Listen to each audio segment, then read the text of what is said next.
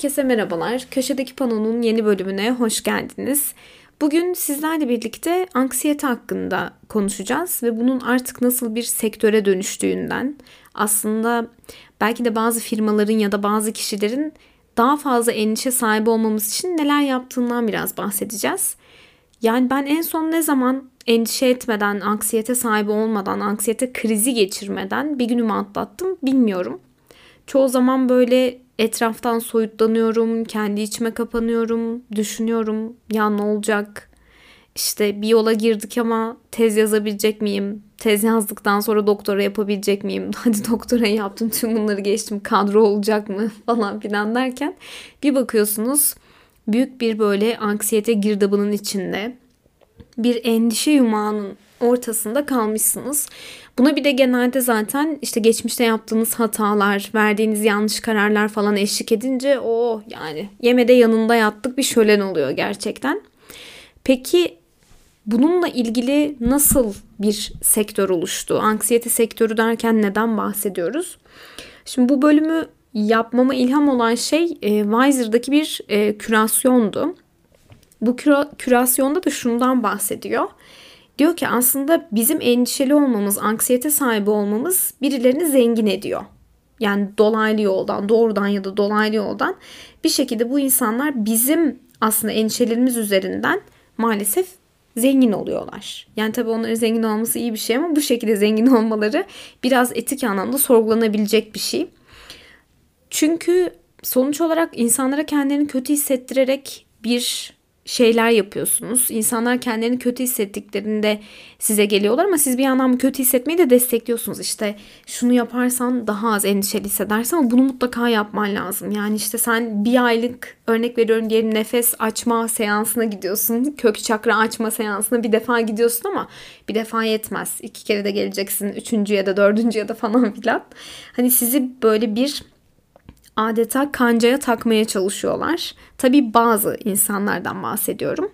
Şimdi bir de bu alan yani psikolojiyle ilgili birçok şey maalesef artık psikologlar dışında bu alanın uzmanları dışında herkese yarar hale geldi. Maalesef psikologlara zerre kadar güvenmiyoruz. Psikologları umursamıyoruz. Bu alanın uzmanlarını dinlemiyoruz ama Genelde böyle işte nefes açanlar, kök çakra açanlar, çakraları renklendirenler, auraya bakanlar falan filan. Bunun çeşitli hallerini daha evvel hani hayatında denemiş bir insan olarak söylüyorum. Bunların açıkçası uygulanabilirliği, sürdürülebilirliği ya da bunların faydası acayip tartışmalı bir konu. Çünkü böyle şeylerde her zaman için psikoloji için konuşmuyorum elbette. Yani bir sıkıntınız vardır arkadaşlar ve psikolog ile görüşürsünüz. İşte bir ön görüşme yapılır. Daha sonra işte eğer birbirinize uyarsanız, birbirinize uymaktan kastımız siz o kişinin e, yaklaşımını beğeniyorsanız ve o da size bu konuda yardımcı olabileceğini düşünüyorsa e, kafa yapılarınız da tabii ki hayata bakış açılarınız da belki bir, bu noktada biraz önemlidir. Çünkü benim bu şekilde bıraktığım psikologlarım da oldu. E, bir yola çıkarsınız. Yani işte seanslara gitmeye başlarsınız. Çeşitli ödevleriniz olur. Onları yaparsınız. Hayata başka bir yerden bakmaya çalışırsınız. Genelde de zaten travmalarla ilgili şeyler olur bunlar. Ve siz dersiniz ki ben hayata başka bir noktadan bakacağım. Bunun için de benim bu ödevleri yapmam gerekiyor. Psikoloğa gitmem gerekiyor dersiniz. Bunda hiçbir sıkıntı yok. Bu olması gereken şey. Fakat maalesef psikolojide öyle bir alan talanı var ki yani psikoloji alanında herkes o kadar her şeyi biliyor ki iki tane kitap okuyan işte Freud'un bu bir tane serisi vardı ya durun bir saniye benim kitaplığımda da olacak muhtemelen. Böyle ince kitapları vardı Freud'un hangi yayına basıyordu bilmiyorum. Şöyle bir bakayım Say yayınlarından bir tane varmış. Ben de mesela cinsellik üzerine diye bir kitabım. Böyle bir seri vardı Freud'un kitaplarının. E, ve şey işte e, bu seriyi alıp okuyanlar evet mesela Cem Yayın Evi'ninmiş Aşkın Psikolojisi diye Sigmund Freud'un bir kitabı ki bunları da bu arada okumadım henüz. Çünkü kendi alanımla ilgili kitaplar okumaya başladığım için bunlar tabii ki kaldı kitaplıkta. Hani öyledir ya bir de böyle bir fetiş vardır. Buna fetiş diyebilir miyiz bilmiyorum. Ne düşünürsünüz bu konu hakkında? kitap alıp biriktirip okumamak. Arada bir birkaçını okumak falan. Yani okumaktan ziyade biriktirmek. Böyle onların orada duruşunu sevmek falan. Bende de biraz bu var sanırım. Kitaplarla ilgili bir aç gözlük. Hani aç gözlülük, aç gözlük, aç gözlülük yaşıyorum maalesef. Ee, bu yüzden de böyle alıyorum kitapları. Şimdi mesela en son Pierre Bourdieu'nun e, Homo Academicus'unu aldım. Ama bu gerekiyordu. Çünkü eğitim sosyolojisi alanında çalışıyorum. Daha doğrusu eğitim sosyolojisi çalıştığım alanın bir parçası. E, bu sebeple alıp okumam gerekiyordu. Yani okumam gerektiğini düşündüm. O yüzden aldım. Zaten şu sıralar alanla ilgili bol bol okuma yaptığım için diğer kitaplara, romanlara falan sıra gelmiyor. Her neyse konu dağıldı. Dediğim gibi. İki tane Freud kitabı okuyan diyor ki ben bu işi çözdüm abi. Şey falan vardı. İşte Ruh Avcısı e, diye bir dizi vardı. E, onda da böyle bunlardan bahsediliyor falan. İşte daha psikolojinin yeni yeni gelişmeye başladığı zamanlarda geçiyordu bu dizi ve bir şekilde işte cinayetleri de çözüyorlar ama işin içinde bir parça psikoloji de var falan. Güzel bir diziydi tavsiye ederim. E, ve insanlar kendilerine tanı koymaya başlıyorlar bir noktadan sonra. Ya fiziksel anlamda da hani tıbben de kendilerine tanı koyuyorlar işte açıyor webem diye. Oraya giriyor semptomlarını falan kansermişim abi falan diyor. Bunun işte sonraki aşamalarında da kendisine psikolojik tanı koyanlar da oluyor. Yani psikolojik tanı koymanın zorluklarıyla ilgili e, Rosenhan deneyini ve e, bir de Curios, Curiosity Stream'de bir e, şey vardı. Bir belgesel vardı The Sad People Factory diye. E, bu iki konuya bakmanızı tavsiye edebilirim. Yani psikolojik tanı koymak o kadar zor değil. Yani işte ben de görüyorum mesela psikoloji öğrencileri böyle o kocaman tanı kitaplarıyla falan dolaşıyorlar ama insanlar gayet kendine tanı da koyabiliyorlar. Bu tanı kapsamında bir şeyler de deniyorlar ve tam bu noktada işte anksiyete sektörü devreye giriyor. Bir sürü mesela uygulama var. İşte sizin meditasyon yapmanız için işte Meditopya gibi, Calm gibi bir sürü uygulama var ve artık ünlü insanlar da, ünlü oyuncular da buralara böyle seslendirmeler gönderiyorlar. İşte hikayeler falan okuyorlar sizin daha rahat uykuya dalabilmeniz için vesaire.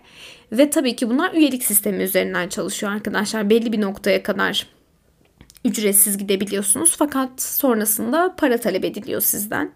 Bunun e, dışında kaya tuzu lambalar var mesela. İşte bu lambaların insanların ciğerlerini açtığı söyleniyor, iyi geldiği söyleniyor, işte strese iyi geldiği söyleniyor.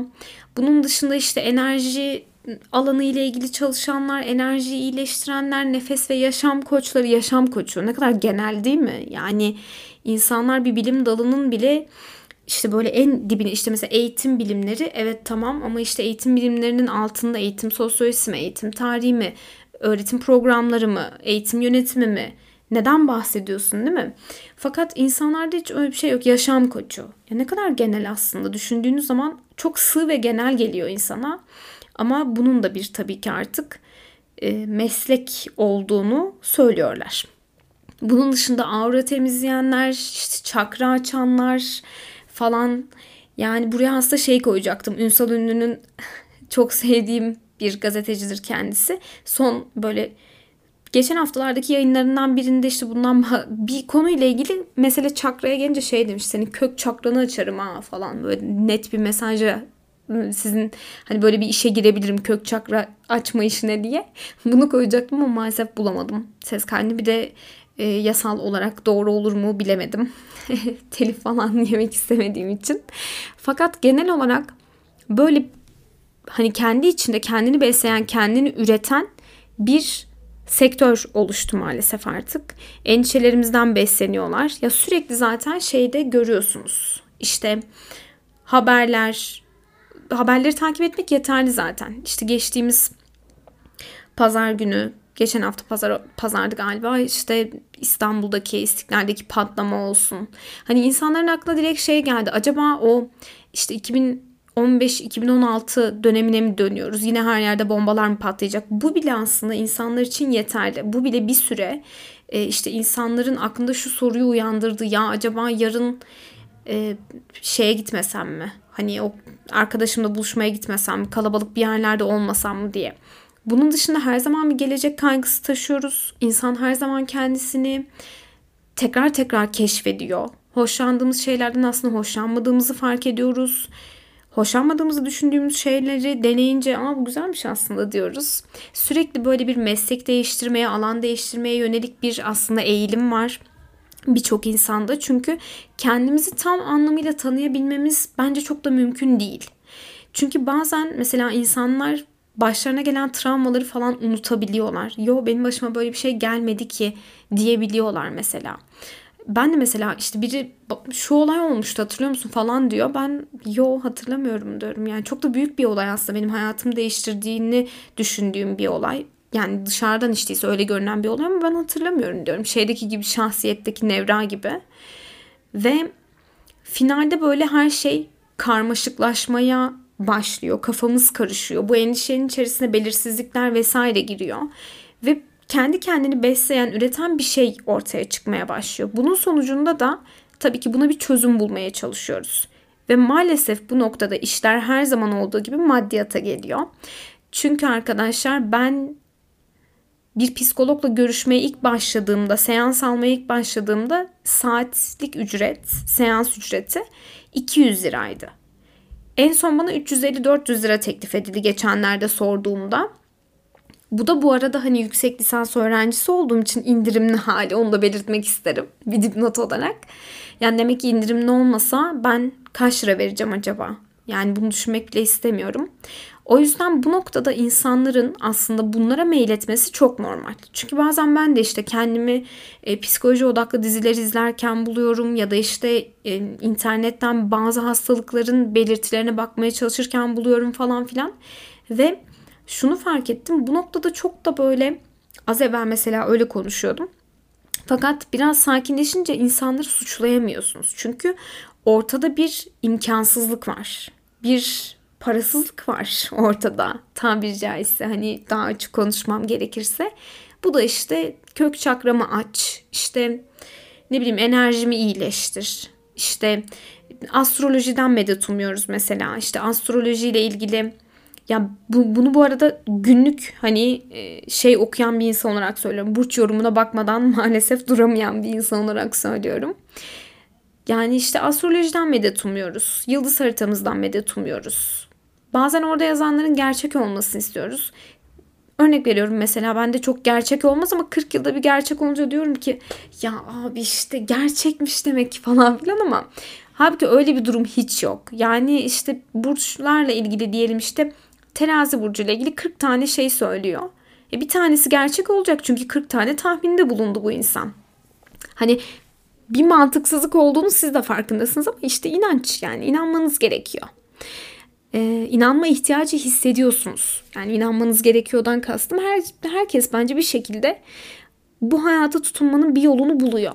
Ve bu noktada da işte bu sektör devreye giriyor. Anksiyete sektörü, işte bize inanın geleceği görebiliyoruz işte tahmin sektörü yani aslında belki astroloji ve diğer işte tarot astroloji bunlar da aslında geleceği tahmin edebildiklerini söylüyorlar ve biz de buna inanmak istiyoruz aslında. O belirsizliği bir süreliğine de olsa kaldırdıklarını düşünüyoruz. Ve şey diyorsun tamam kötü bir şey gelmeyecek başıma. Hani o belirsizliğe bir merhem oluyor. O da bizi mutlu ediyor haliyle. Ben bu konuda sizin fikirlerinizi çok merak ediyorum. Ee, köşedeki pano gmail.com'dan bana ulaşabilirsiniz. Sizin böyle fark ettiğiniz ya bak işte şunu söylemeyi unuttun bu da bence anksiyete sektörünün bir parçası olabilir ya da geçen bir seansa gittim bir aydınlanma geldi bir rahatladım yani falan dediğiniz bir durum varsa ya da ya ben öyle düşünmüyorum aslında bu anksiyete sektörü değil bu bence faydalı bir şeydi diyorsanız her zaman bana mailden ulaşabilirsiniz e, yanıtlarınızı, işte sorularınızı ya da deneyimlerinizi benimle paylaşabilirsiniz. Çok mutlu olurum diyorum ve bu bölümü de burada kapatıyorum. Sağlıklı, huzurlu ve güven dolu, huzur dolu, anksiyetesiz günler dilerim efendim. Görüşmek üzere.